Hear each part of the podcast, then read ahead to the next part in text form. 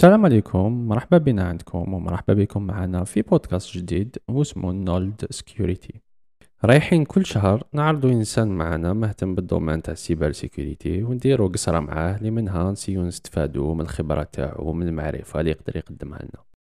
الانفيتي تاعنا اليوم اسمه إبراهيم فؤاد قيا وراح يحكي لنا على لي مود باس.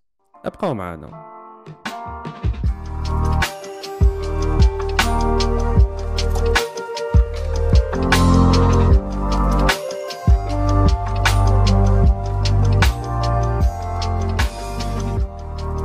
فؤاد مرحبا بك واش راك صافا ميرسي ا توا داتر بريزون معنا صافا شويه Très bien, ولا غير incroyablement bien. الحمد لله الحمد لله فؤاد اسكو تقدر تبريزونتي روحك للاودينس تاعنا Bien sûr, bien sûr. Donc, euh, أنا c'est Guilla Brahim Fouad.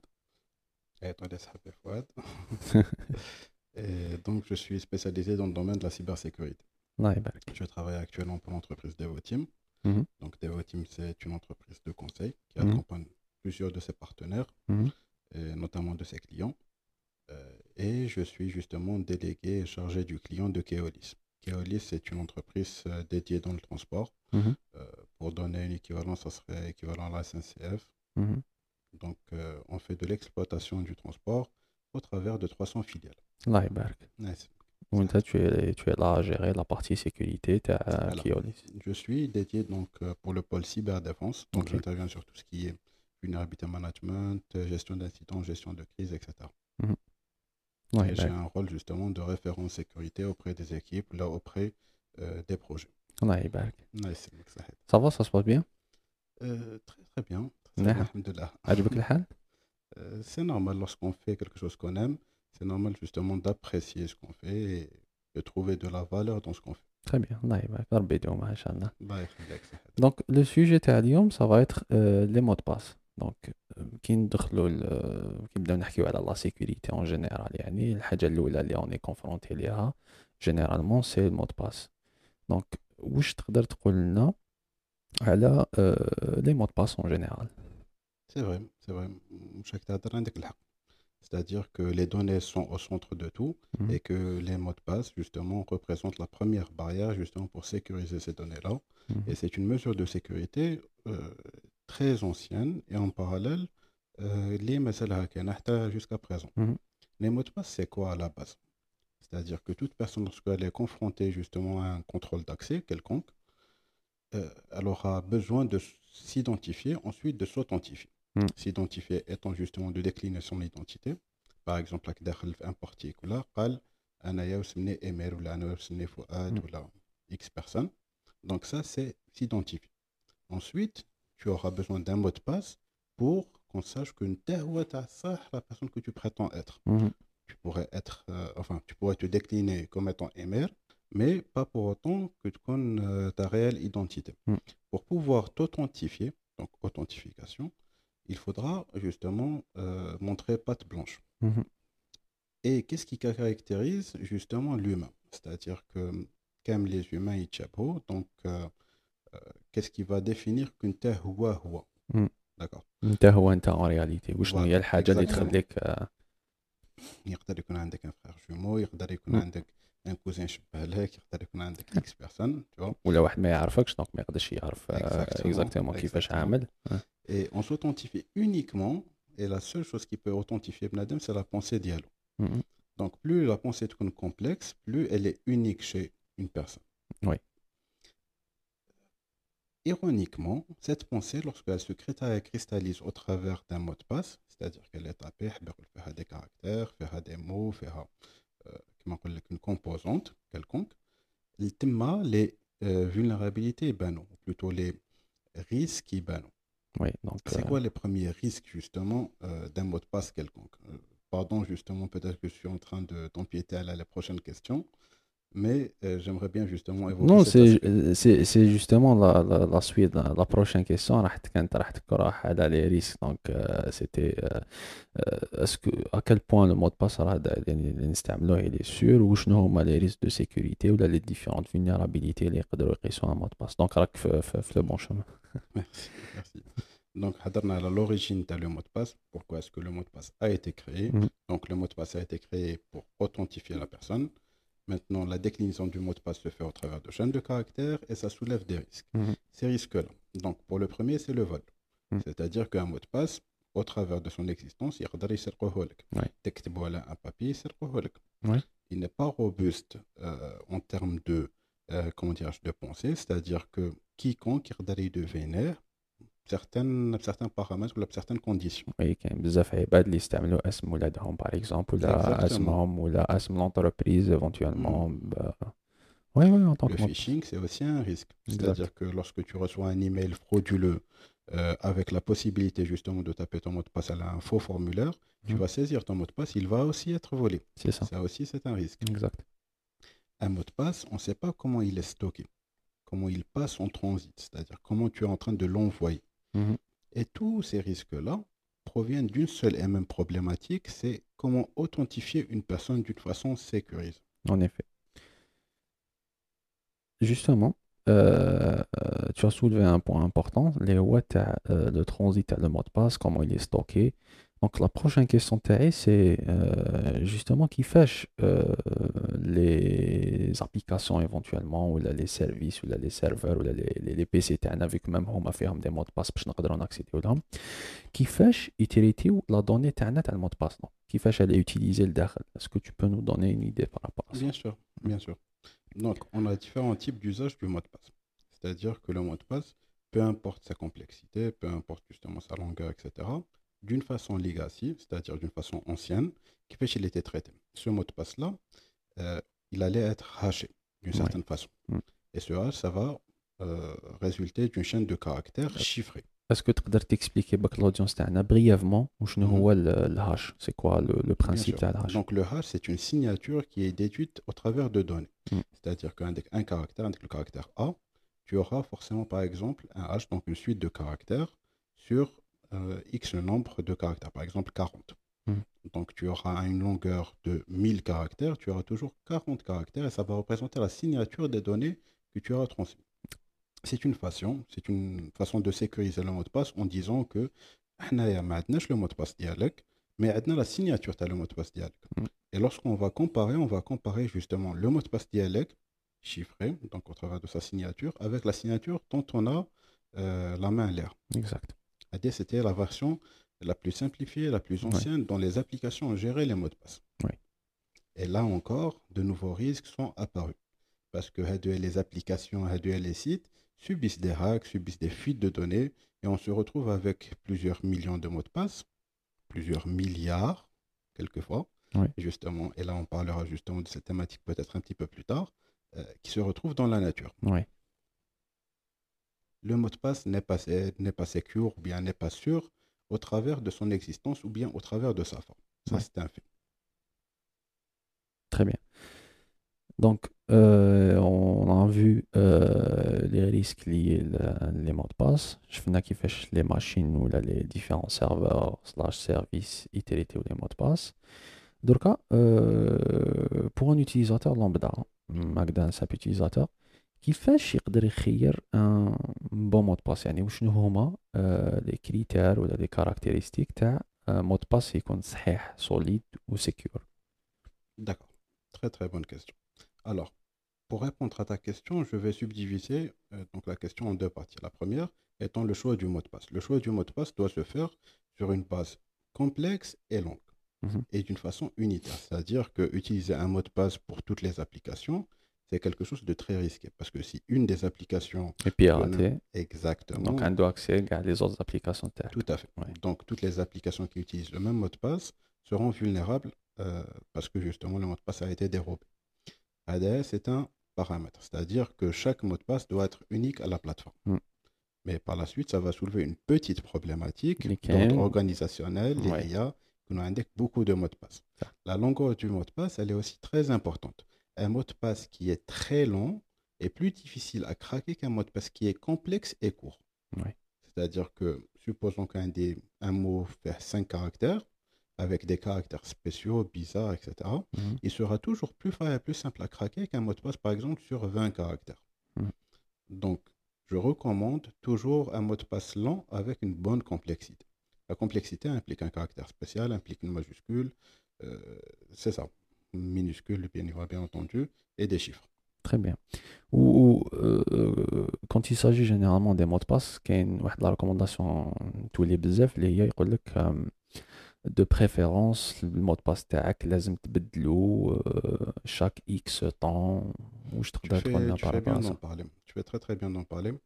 L'expiration du mot de passe répond à un ancien de modeling, dans le sens où lorsque tu obliges une personne à ce que son mot de passe expire, tu vas l'obliger, avec une complexité bien évidemment, tu vas l'obliger à avoir des mots de passe prédictibles. Mm. Supposons que le mot de passe TAE, c'est add 1, 2, 3, par exemple. Eh bien, lorsque mon mot de passe va expirer, je vais choisir par exemple euh, un autre mot de passe 1, 2, 3, 4. Ensuite 1, 2, 3, 4, 5, etc. Je vais euh, rajouter des, des, chiffres ou des lettres. À la Juste pour contourner le mot de passe. Et pour pouvoir répondre à ta, ta question précédente concernant la sécurité des mots de passe, le mot de passe à lui-même, de lui-même, ne se suffit pas.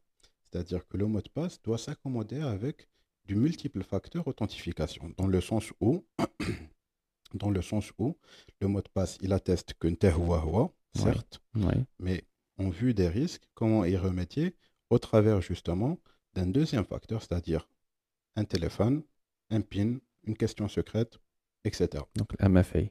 Exactement. Quand on parle de MFA, on ne parle pas forcément de tout FA. Hmm. C'est-à-dire qu'on peut avoir plusieurs échelles, plusieurs étapes pour authentifier la personne. Hmm.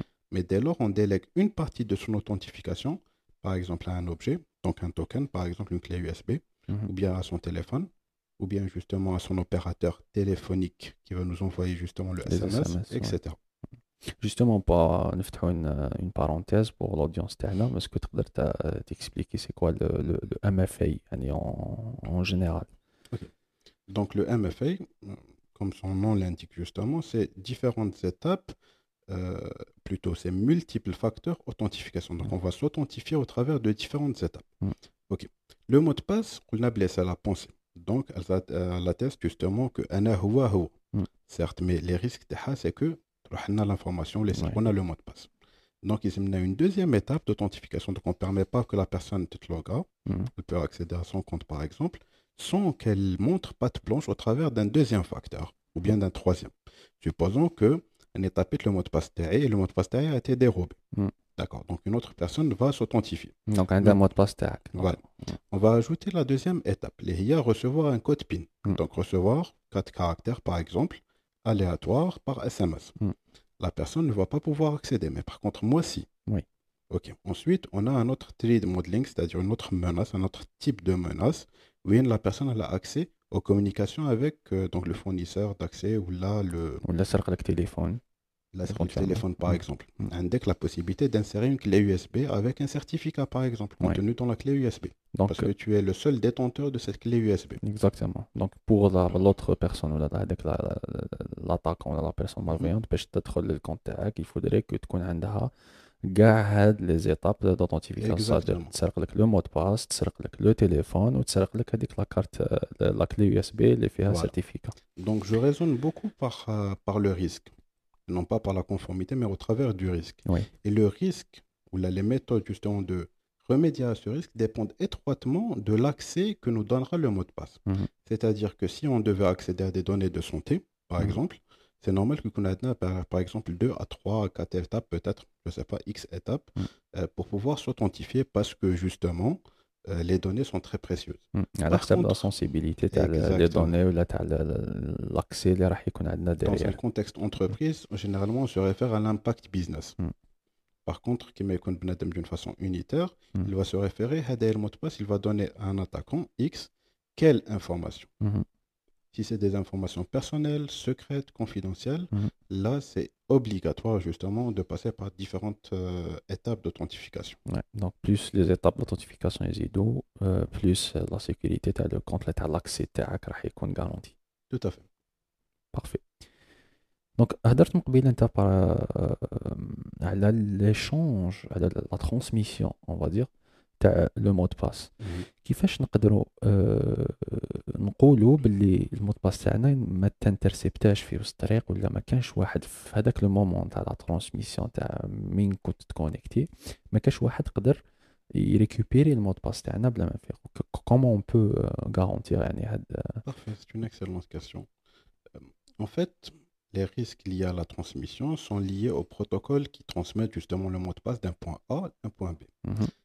Et هادو les protocoles, ils subissent justement des contrôles de sécurité. Mhm. Donc, on a le chiffrement, la non-répudiation justement liée à ces protocoles-là, c'est-à-dire que dès que tu vois un navigateur, c'est bon HTTPS, Mhm. ça signifie qu'il y a une couche de chiffrement pour garantir que le message entre le point A et le point B, il est transmis d'une façon sécurisée. Donc, ça, euh, c'est très important, par exemple. Le La partie chiffrement et transmission du mot de passe. Le point A étant navigateur TAC mhm. ou le point B étant le serveur, les l'application, l'application, les Donc, si on donne un exemple généraliste, je sais pas, Facebook, euh, Gmail, euh, Instagram, etc.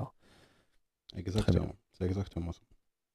Après, on a d'autres types de, de protection et là, ça va être un message un peu plus technique et destiné peut-être dans un certain contexte au domaine du banking. Mhm. Le mot de passe il est chiffré, mhm. donc au niveau client, avant d'être transmis au niveau serveur dans un canal qui est lui-même chiffré, par exemple. D'accord. Donc, il y a un double chiffrement. Donc, il chiffre le mot de passe dans le navigateur. On va dire à une transmission qui est cryptée. Voilà. Bien évidemment, la transmission, elle est, elle est chiffrée, même si euh, en termes de chiffrement, elle garantit aussi donc, la confidentialité et l'intégrité des données. Mm. C'est-à-dire qu'on elle, va, elle va garantir que le les données n'ont pas été modifiées, Mhm. d'une part, et en parallèle qu'ils n'ont pas été interceptés. Très bien. On remercie, entre parenthèses, Défi Allemagne, qui est une composante justement de la négociation TLS. Très bien Sinon, euh, euh, supposons dans le cas que par malheur, le mot de passe تاعنا euh, a été piraté ou là, خرج quelque part ou là, quelqu'un d'autre euh, a eu accès au le mot de passe تاعنا. Est-ce qu'il y a euh, un moyen ولا كاش حاجة ولا كيفاش نقدروا نعرفوا باللي المود باس تاعنا ما راهوش il y a des gens اللي عندهم déjà. Alors, le mot de passe, euh, pseudo mot de passe, justement, tout dépendra de son usage. Mhm. Si on se réfère par exemple à un cas d'un particulier, il peut justement aller visiter le site web Have Been Pound, Mhm. justement pour vérifier si son adresse email ainsi que son mot de passe ont été dérobés au travers d'une application tiers. Ça relève, enfin, ça fait, ça fait sens le risque qu'on avait cité précédemment et il y a utilisé un seul et même mot de passe sur l'ensemble des plateformes. Ouais. Ça, c'est un cas. Par contre, lorsqu'on est dans un contexte d'entreprise, il est très important justement d'avoir des contrôles de sécurité à différentes échelles. Le PAM peut être justement un de ces contrôles. où On implémente justement le MFA, etc. Pour pouvoir contrôler les mots de passe et les accès d'une façon générale pour des utilisateurs privilégiés. Ouais. C'est un exemple. Mm. La partie IAM, rajouter des contrôles de traçabilité, elle est aussi tout aussi importante. Donc oui, la partie NAC aussi pour le réseau interne. Ouais. Donc tout dépendra ce mot de passe à quoi il est destiné ou la- quel contexte il va être utilisé. Justement, ça répond en partie à la, la question اللي كانت رايحة تجي من بعد اللي هي آه، كيفاش نقدروا ن- نريغليو on va dire ولا نميتيجيو هاد لي ريسك دو سيكوريتي اللي لي لي مود باس Très bien. Donc on avait cité par, par rapport justement aux remédiations Mhm. du risque, donc à quelques risques, la partie euh, MFA, donc multiple facteur d'authentification qui va réduire bzef le risque. Ouais. Mais en parallèle, une veille, une veille justement continue à la les accès, elle est tout aussi importante. Enchaîner les contrôles de sécurité, ou plutôt euh, imbriquer les contrôles de sécurité, euh, fera en sorte de augmenter la résilience de l'entreprise face au vol de- de- d'identifiants. pardon. Le fait de changer de mot de passe, non pas d'une façon continue ou bien, bien d'une façon prédictible, mais d'une façon rationnelle, est quelque chose qui augmente la sécurité. Par exemple, les niveaux de chiffrement de la data, c'est-à-dire où sont stockés les mots de passe, c'est une solution. Mm. C'est une solution pour certains types de problématiques. L'utilisation de Volt, je citerai par exemple Keyvolt de Azure, euh, c'est une autorité tiers qui a l'accès et non pas un tel qui a l'accès, est une solution justement pour les mots de passe liés aux applications ou bien euh, pour les comptes de service. Voilà. Justement, tu as soulevé un point important. Euh, là les volts ou les gestionnaires de mots de passe.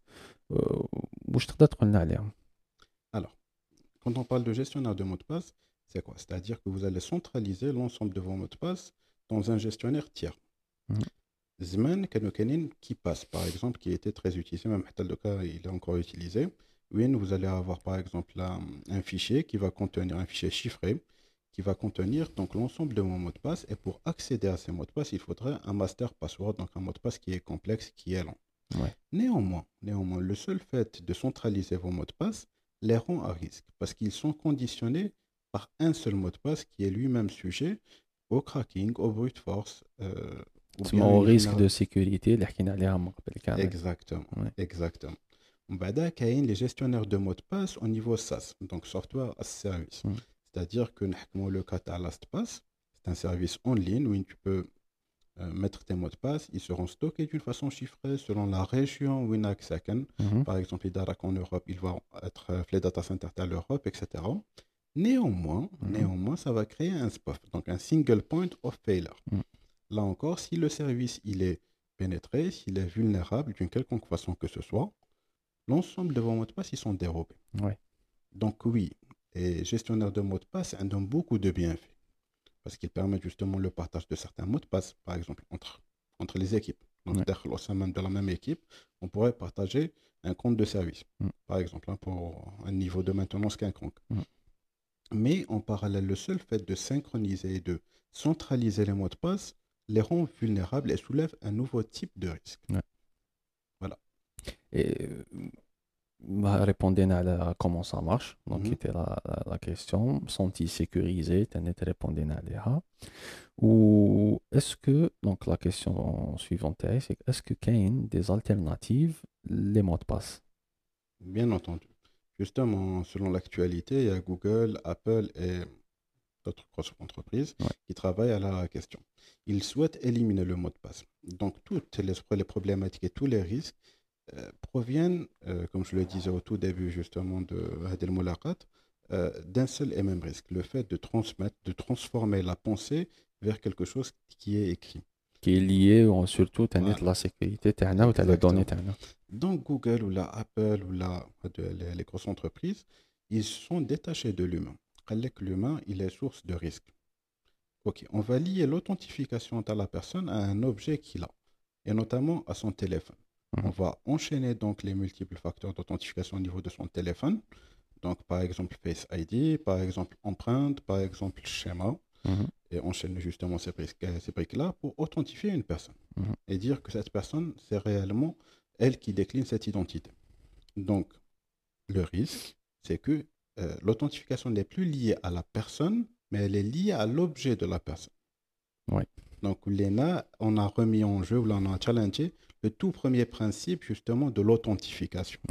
C'est ce que font justement Google et Apple. Ils Mhm. jugent que le risque il est réduit parce qu'ils sont détachés de l'humain, mais sur le plan, je ne dirais pas philosophique, mais sur le plan euh, original, on s'est détaché de la première idée d'authentification Mais en se détachant de la première idée d'authentification, on aura vers euh, l'approche de le téléphone ou la- l'objet اللي عندنا اللي qu'on possède هو اللي راح يجيري لنا l'authentification. Est-ce que ما رجليناش مشكل بمشكل واحد آخر؟ باسكو تليفون sûr, ولا أي bien sûr. objet يقدر يتسرق. C'est toujours le cas. C'est Mhm. toujours le cas. C'est-à-dire que dès mo- du moment qu'on a lié notre authentification, donc notre identité euh, au téléphone, Mhm. c'est-à-dire que le téléphone peut être reproduisible, Bien peut sûr. être sujet à des vulnérabilités techniques, Mhm. peut être piraté, etc. Donc, c'est d'autres niveaux de risque. Winhome, ils préfèrent assumer ce risque-là, ou plutôt mitiger ce risque-là à leur niveau, que euh, de tenter de mitiger le risque lié à l'humain. Le risque lié à l'humain, euh, pour pouvoir le mitiger, on passe par beaucoup de sensibilisation. Qui te relève Nadem Blé, voilà, allez, qui fait que tu gères tes mots de passe, allez, qui fait que tu gères tes secrets, il faut segmenter, il faut ségréguer, etc. C'est une forme de formation. Mhm. Omar قال لك non, Hadi, on ne peut pas contrôler ça. Donc, on va essayer de contrôler les risques au niveau du téléphone, donc au niveau du device, d'une façon plus technique.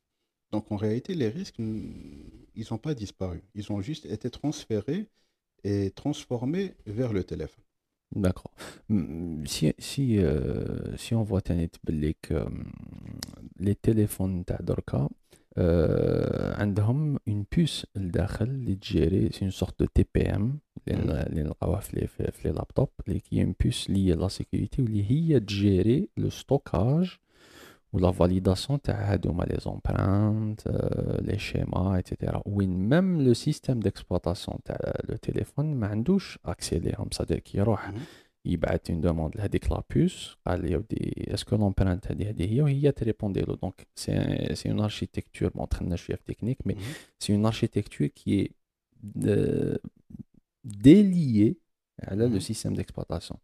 Est-ce que ça ne, ça ne donne pas un niveau de sécurité plus important, plus intéressant? Là, si on garde le ah bah, mot de passe. Bien évidemment. Toute couche de complexité, mmh. toute couche de complexité n'exclut pas les risques. Oui.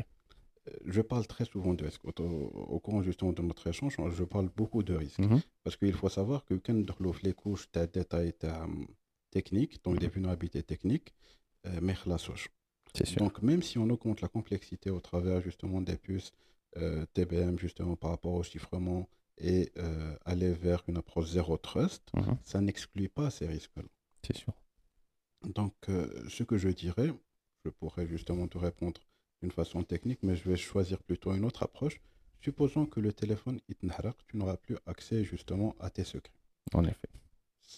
C'est juste euh, quelque chose qui peut arriver, qui, peut, qui arrive même très, très, très souvent. Et au final, euh, même s'il n'y a pas un risque justement de vol d'identité, il y aura toujours un risque euh, d'interruption de service quelconque. Oui, accès à la machine. C'est quelque chose qui même à les gestionnaires de mots de passe parce que كي تكون عندك مود باس ستوكي في ان جيستيونير سورتو الا ما راهش سينكرونيزي بين لي ماشين تاعك ولا نسيت بيسي في الدار ولا نسيت تليفون في الدار راك حاب تاكسيدي كونت تاعك ما كانش باسكو علاش مود باس راهو في ماشينه وين ما عندكش اكسي ليها وي وي اون افي On échange des problèmes par d'autres types de problèmes. هذه هي Mais il faut savoir que le positionnement de ces grandes entreprises n'a pas été justement de remédier à un problème d'une façon, enfin, au travers de sa racine, mais elle a été de transférer le problème dans leur périmètre pour qu'ils puissent le réduire. C'est la seule différence qu'il y a. Vous faire l'approche D'une façon très très simple, je suis favorable à cette approche. Plus on a le contrôle justement sur, euh, comment dire, sur les risques, plus on peut les réduire. Mhm. Ça, c'est un fait. Et je comprends justement leur positionnement et j'y adhère. Mhm. Après, en, termes de souveraineté, est-ce que c'est quelque chose d'acceptable? يقدر يكون l'avis d'y aller favorable ou la défavorable, mais le plus important, c'est qu'on perd de sa souveraineté. Après, tout dépend de la personne qui va prendre position par rapport à ça. Très bien. Euh, un dernier mot pour, euh, ou un conseil pour euh, nos auditeurs Alors, je vous recommande toujours d'avoir un mot de passe complexe, mhm. d'activer les multiples facteurs d'authentification, tout à fait plus. Ouais. Bien évidemment, de ne jamais utiliser un mot de passe unique pour l'ensemble de vos, de vos comptes. Mhm. Et surtout, surtout justement, de ne jamais communiquer votre mot de passe. Parce que très souvent, oui, euh, les failles humaines sont plus importantes que les failles techniques. Mm -hmm. des mots de passe, mais ou, l'identifiant. Oui. Euh, tu as dit qu'il faut utiliser des mots de passe différents à, la, à chaque plateforme, éventuellement. Mhm. Même les identifiants, je pense qu'il est, est, important de, de, de, changer d'identifiant les plateformes. Le rôle d'un identifiant, c'est uniquement justement de décliner une identité. Mhm. Euh, après, justement, toute, toute personne qui va, elle va gérer ses, identifiants. Si on parle dans un cadre d'entreprise, bien évidemment, les prestataires, ils ont des identifiants euh, distincts des personnes internes. Euh, les comptes de service ou un DOM des identifiants, plutôt avec un, pattern quelconque, par exemple SVC, mm. euh, qui va être différent des comptes euh, normaux. Les comptes admin. etc. Exactement, c'est exactement ça. Donc oui, les identifiants sont sujets justement à des contextes, mais qui restent à définir à la main des entreprises. Pour les particuliers, mais pour les particuliers, je pense. Très bien. Fouad. يعطيك الصحة اللي جيت معنا وتشوف يعطيكم الصحة. لي زوديتور تاعنا يعطيكم الصحة اللي سمعتونا.